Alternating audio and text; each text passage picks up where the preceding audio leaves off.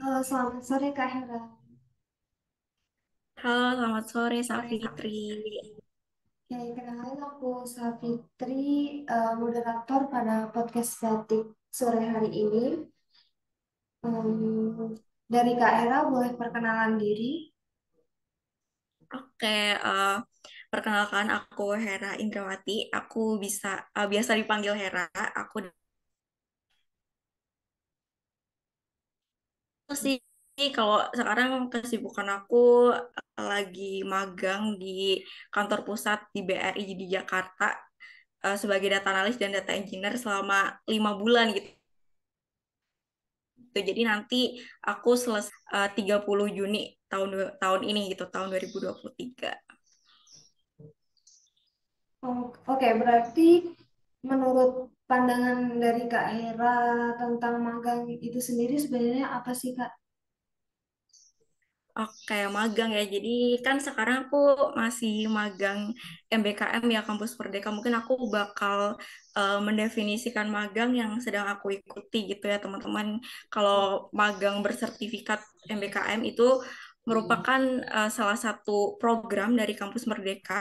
Eh, dan ini tuh diterapkan oleh Kemendikbud teman-teman yang tujuannya itu untuk memberikan kesempatan kepada mahasiswa untuk belajar dan juga mengembangkan diri melalui aktivitas yang ada di luar kelas perkuliahan kayak gitu.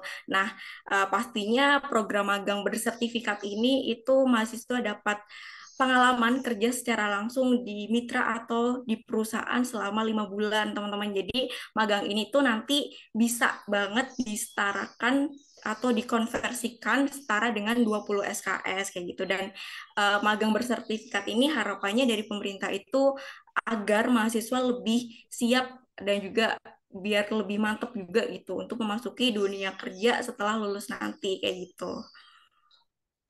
Eh, untuk alur dan teknis magang itu sendiri eh, gimana Kak? Dan apakah dari magang itu ada pertanyaan SKS-nya? Kalau untuk alurnya sendiri, eh, magang tuh kan sebenarnya ada tiga ya, ada tiga eh, seleksi gitu. Jadi nanti akan ada seleksi berkas administrasi, kemudian nanti akan ada seleksi tes, kemudian nanti juga akan ada seleksi interview gitu. Jadi itu alurnya sebenarnya tiap mitra juga berbeda gitu. Dan kalau semisal setarain SKS itu sebenarnya nanti balik lagi ke kebijakan prodi gitu. Jadi nanti SKS ini tuh yang ngurus tuh pro, pro, dari prodinya kayak gitu sih. Hmm, kalau kegiatan keseharian Kak Hera selama magang itu sendiri ngapain aja Kak? Oke, kalau untuk kesehariannya, eh, kalau magang di BRI sendiri itu kan lima hari kerja ya, jadi hari Senin sampai hari Jumat kayak gitu. Nah, eh, kesehariannya eh, berangkat itu apa ya? Berangkat itu setengah delapan gitu, jadi setengah delapan pagi itu bukan berangkat ya, itu eh, masuknya gitu, masuknya itu jam setengah delapan pagi, kemudian pulangnya itu jam setengah lima sore gitu. Jadi itu rutinitas weekday gitu. Jadi itu rutinitas kesehariannya gitu. Kalau kegiatan-kegiatannya ngapain aja di sana, yang pasti mengerjakan project gitu. Kalau aku sendiri kan aku jadi data analis data engineer gitu. Jadi ya eh, nggak jauh eh, nggak jauh ini ya sama data-data lah gitu. Pokoknya terkait kayak ngolahan data, kemudian nganalisis data, ngevisualisasi data kayak gitu. Nah, sebenarnya nanti juga tiap minggunya eh, di magang ini tuh bakal ada weekly report gitu. Jadi weekly report tuh kayak kita mempresentasikan progres eh, tiap bulannya kayak gitu. Eh tiap bulan tiap minggunya gitu. Jadi weekly report kayak kita mempresentasikan di depan mentor dan juga di depan teman-teman magang lainnya kayak gitu. Nah, setelah itu semisal dari project-projectnya selesai, kita juga nanti bakal mempresentasikan juga di depan atasan atau mungkin kayak eh, manajer timnya atau head dari divisinya kayak gitu. Eh, kalau menurut pendapat Kak Hera tentang keuntungan mahasiswa mengambil magang itu apa Kak?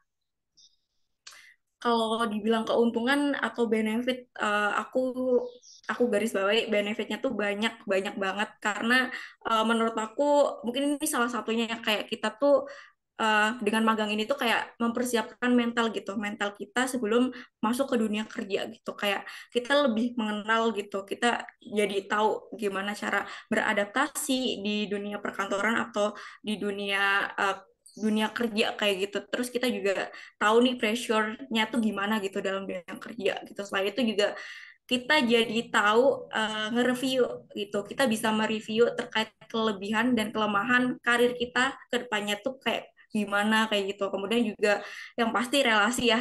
Kita bisa bertemu dengan misalnya mentor yang berpengalaman, kemudian bisa uh, berbagi uh, berbagi apa ya berbagi hal-hal yang emang bisa didiskusiin di sana kayak gitu dengan teman-teman magang. Selain itu juga mendapatkan kesempatan bisa apa ya berdiskusi juga dengan orang-orang hebat di sana seperti mungkin manajer atau atasan atau senior di sana kayak gitu. Selain itu juga dari pemerintah sangat memfasilitasi. Jadi magang ini tuh nanti bakal mendapat uang saku juga dan juga akan mendapatkan ini juga uh, uh, mobilisasi gitu keberangkatan dan kepulangan itu nanti dibiayai dari pemerintah kayak gitu. Sebenarnya ada sih satu tujuan utama aku kenapa aku akhirnya memilih magang pada semester 6 ini. Jadi uh, tujuan aku itu sebenarnya ini kayak aku ngerasa magang ini tuh penting dan uh, ketika lulus nanti gitu ya.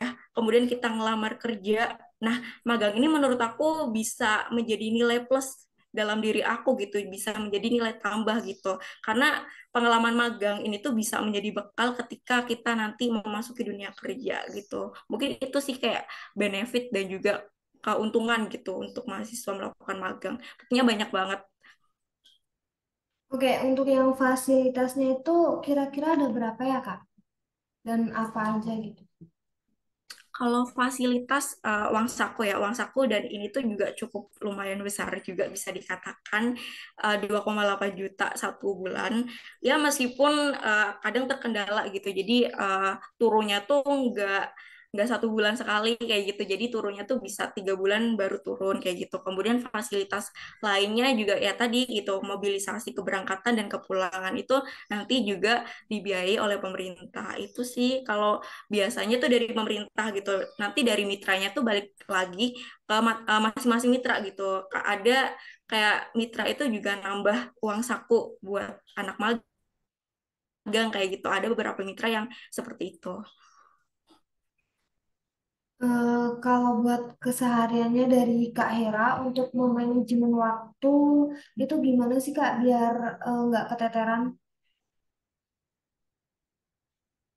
Oke, kalau buat manajemen waktu sendiri dari aku sebenarnya uh, ada satu yang selalu aku reminder buat diri aku gitu, uh, yaitu jangan suka nunda pekerjaan. Itu sih yang selalu aku ingetin gitu, karena uh, kalau bisa dikerjakan sekarang kenapa nanti? Kayak gitu. Mungkin ini aku juga uh, berkaca sama pengalaman-pengalaman aku sebelumnya karena sebelumnya kan aku juga ikut studi independen di mana aku juga aktif dulu di organisasi dan aku juga masih ikut perkuliahan sampai di mana aku waktu itu ada di titik hektik banget gitu. Dan ya akhirnya uh, pekerjaan yang aku kerjain itu nggak maksimal kayak gitu. Jadi aku belajar dari pengalaman gitu. Jadi jangan nunda waktu dan uh, lihat gitu prioritas yang mana yang emang harus dikerjakan terlebih dahulu gitu. Kalau semisal uh, organisasi aku juga sekarang uh, masih ikut organisasi komunitas kayak gitu. Nah itu mungkin bisa lah disambi gitu. Dan uh, ini juga harus dikomunikasikan gitu. Kalau bisa uh, antar pengurus dari organisasi atau komunitas tuh biar paham gitu. Kayak kalau semisal emang kita izin ya ada alasannya gitu. Jangan sampai hilang-hilangan kayak gitu. Biar uh, bagaimanapun kalau semisal kita hektik kita uh, ada pekerjaan kayak gitu ya kita harus tahu gitu mana yang diprioritaskan terlebih dahulu. Pokoknya tahu apa yang uh, harus diprioritaskan dan jangan suka menunda gitu sih kalau dari aku prinsip aku kayak gitu Oke, tadi kan dari jawaban Kak Hera, Kak Hera menyinggung tentang studi independen. Nah, studi independen hmm. itu apa sih, Kak? Uh, studi independen sebenarnya sama ya, salah satu program dari MBKM, tapi lebih studi independen. Studi independen tuh lebih ke uh, banyaknya pelatihan kayak gitu pelatihan pelatihan sertifikat gitu. Kayak semisal kita masuk ke data analis. Nah kalau magang itu kita langsung terjun ya. Jadi nggak ada training nggak ada pelatihan kayak gitu biasanya magang. Nah sedangkan di studi independen kita uh, kita tuh kayak ngelatih dari awal gitu. Kayak apa sih data analis itu kayak gitu. Terus apa aja sih semisal nih kayak semisal mau di posisi data analis kayak semisal uh, tools-tools apa sih kemudian software apa aja sih kayak gitu yang uh, dibutuhkan sebagai data analis kayak gitu. Nah, mungkin studi independen lebih ke situ gitu. Kalau magang itu kita langsung terjun uh, di perusahaannya kayak gitu. Oh, kalau saran dari Kak Hera untuk mahasiswa di bawah kakak yang mau mengambil magang itu apa? Mahasiswa yang ingin mengikuti magang ya.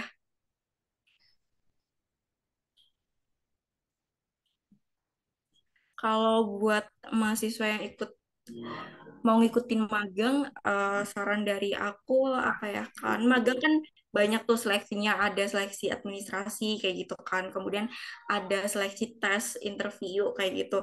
Nah itu tiap seleksi kalau bisa ya dipersiapkan hal-hal yang emang perlu dipersiapkan kayak gitu. Misal nih administrasi itu kan perlu CV nah saran dari aku ya CV yang digunakan itu CV ATS mungkin dari kalian kalau pengen kepo format CV ATS itu biasanya ya udah eh, searching aja ya di Google kalau CV ATS ini biasanya emang digunakan untuk melamar pekerjaan kayak gitu. Nah, uh, kemudian kalau saran dari aku lagi terkait magang itu kalau bisa CV-nya bahasa Inggris kayak gitu. Terus uh, kalau bisa CV-nya juga jangan banyak banget kayak berlembar-lembar kayak gitu. Cukup dua halaman tapi emang uh, bermutu gitu isinya kayak gitu. Mungkin kalau untuk berkas kemudian juga nanti berkas tuh menurut aku ini juga lumayan penting juga gitu karena uh, kalau menurut aku ini uh, menurut aku kayak tahap berkas atau administrasi ini tuh jadi penentu gitu kamu akan lolos ke tahap selanjutnya atau enggak gitu. Jadi emang uh, perlu banget diperhatiin gitu. Aku mungkin sedikit cerita ya ada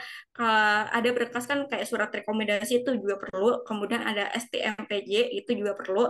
Nah uh, mungkin ini aku sedikit cerita jadi beberapa kasus teman aku. Jadi mereka mau daftar dan uh, di dalam surat rekomendasi kalau nggak salah itu uh, kurang cap dekan. Nah itu gak lolos gitu, gak lolos uh, di tahap pemberkasan otomatis gak bakal lolos semua uh, semua yang mereka apply gitu. Nah itu penting banget gitu dan ada kasusnya lagi semisal sebelum kita ngupload nih ngupload berkas di uh, webnya kampus Merdeka itu uh, kita kan di-scan dulu ya, semisal surat rekomendasi ini di-scan kayak gitu. Nah, itu juga perlu banget diperhatikan karena uh, ada lumayan banyak juga ini kejadiannya. Jadi scan itu uh, mereka tuh nggak nggak jelas gitu atau mungkin menurut mereka ini tuh jelas, tapi uh, ketika sampai di pusat itu scan itu nggak nggak ini nggak terdeteksi kayak gitu. Mungkin ada yang ngeblur atau mungkin ada yang gelap kayak gitu di uh, di tepinya atau gimana. Nah itu um, apa ya itu contoh hal yang sepele tapi itu uh, apa ya menurut aku itu penting banget gitu. Jadi jangan sampai terjadi kayak gitu. Nah kalau udah memasuki tahap tes ya kalau tes itu balik lagi ya ke mitranya gitu. Kalau Uh, kalau aku sendiri sih kemarin uh, di BR itu ada enam subtes, jadi lumayan kompleks itu. Jadi ya pasti belajar gitu harus belajar. Biasanya kan tes ini tuh uh, diberitahukan itu kan hamin satu atau hamin dua hari sebelum tes itu. Jadi kita harus prepare belajar dulu gitu. Terus uh, harus ini juga siap device, siap sinyal, jaringan gitu. Karena nanti tesnya juga online dan itu nanti kan kita on cam juga kayak gitu jadi harus siap gitu. Kemudian kalau untuk interviewnya sendiri uh, kurang lebih uh, apa ya sama sih kayak interview kayak biasanya gitu kayak pertanyaan-pertanyaannya kayak gitu masih umum. Tapi kalau di BRI sendiri itu lebih ke teknis sih pertanyaannya. Jadi kayak semisal uh, aku nih jadi data analis di data engineer kayak gitu. Nah itu lebih interviewnya kita uh, apa ya kita lebih ditanyain terkait tools-tools yang emang uh, uh, apa yang kita apa ya apa yang kita ini kuasai gitu kayak software-software apa kayak gitu. Terus portofolio apa yang udah kamu kerjain kayak gitu. Itu sih kalau di interview. Mungkin saran aku interview tuh uh, jaga sikap dan juga penampilan gitu. Itu penting juga gitu. Mungkin itu sih. Oh iya sama ini juga. Kalau interview kan biasanya ada beberapa mitra tuh menggunakan full English dan juga ada yang mix juga. Dan itu harus dipersiapkan juga gitu. Mungkin sih itu saran-saran dari aku. Um, Oke, untuk pertanyaan selanjutnya, harapan dari Kak Hera untuk ke depannya itu apa ya Kak? Kalau boleh tahu. Harapan supaya Oke, makin kalau harapan. gitu. Oke, untuk harapan ya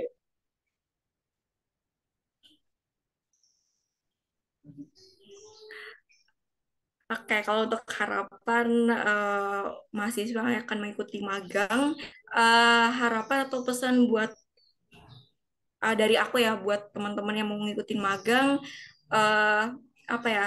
Aku berharap uh, semua kalau bisa ngikut magang karena benefitnya tuh banyak banget dan uh, itu juga sangat difasilitasi pemerintah ya meskipun mungkin ada beberapa uh, kebijakan semisal uh, dananya cair atau BBH-nya cairnya itu telat kayak gitu. Tapi overall benefitnya tuh jauh lebih banyak teman-teman. Kayak kalian jadi tahu dunia kerja tuh kayak gimana kayak gitu. Terus ya menurut aku manfaatin aja program-program yang emang udah dibuat pemerintah. Salah satunya ya magang MBKM ini gitu. Ya meskipun tadi aku bilang banyak kekurangan ada beberapa kekurangan gitu. Tapi overall eh, benefitnya tuh banyak gitu. Dan ya aku berharap teman-teman yang mau ikut magang semoga lancar untuk seleksinya dan dia dipersiapkan hal-hal yang perlu dipersiapkan. Kemudian juga jangan lupa uh, selalu berdoa dan uh, yang penting banget itu ini juga selalu diskusi juga sama orang tua karena kan magang itu kan uh, kita bisa ditempatkan di luar kota ya. Jadi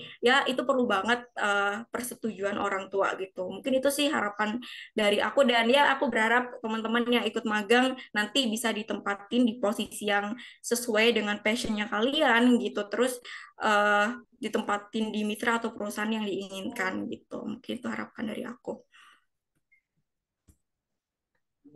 Oh, Oke, okay. dari aku cukup itu aja. Maaf karena banyak kendala uh, dari waktu dan jaringannya. Terima kasih buat Kak Hera atas waktunya dan makasih juga udah mau ngisi podcast batik kali ini dengan materi magang yang pastinya bakal berguna banget buat mahasiswa ke depannya.